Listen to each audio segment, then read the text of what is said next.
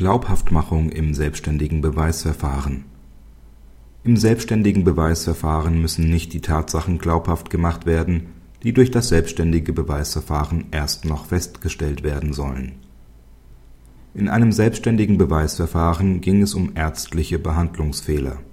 Das Landgericht wies den selbstständigen Beweisantrag ab, weil der Antragsteller die durch das begehrte Gutachten unterstellten Tatsachen nicht gemäß § 487 Nr. 4 ZPO glaubhaft gemacht hat.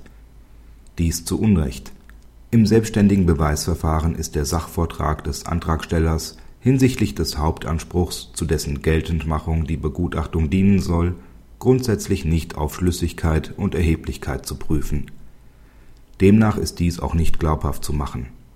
Tatsachen die durch das selbstständige Beweisverfahren erst festgestellt werden, unterliegen daher nicht der Glaubhaftmachungspflicht. Praxishinweis Die auf den ersten Blick selbstverständliche Entscheidung ist jedoch sehr wohl Gegenstand mehrerer Auseinandersetzungen bei Instanzgerichten im Rahmen von selbstständigen Beweisverfahren. Dies liegt vor allem daran, dass § 487 Nr. 4 ZPO nicht genau gelesen wird. Es sind nur die Tatsachen glaubhaft zu machen die die Zulässigkeit des selbstständigen Beweisverfahrens und die Zuständigkeit des Gerichts begründen sollen.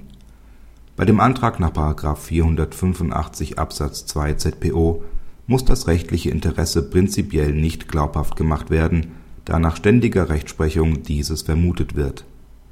Ebenso wenig muss beispielsweise der Zustand einer Person oder einer Sache glaubhaft gemacht werden, da nicht der Zustand einer Sache oder einer Person zur Zulässigkeitsvoraussetzung gehört sondern dies Gegenstand des selbstständigen Beweisantrags ist, nicht aber dessen Zulässigkeitsprüfung, solange nicht ein anderer Zustand als der Zustand einer Person oder Sache im Antrag behauptet wird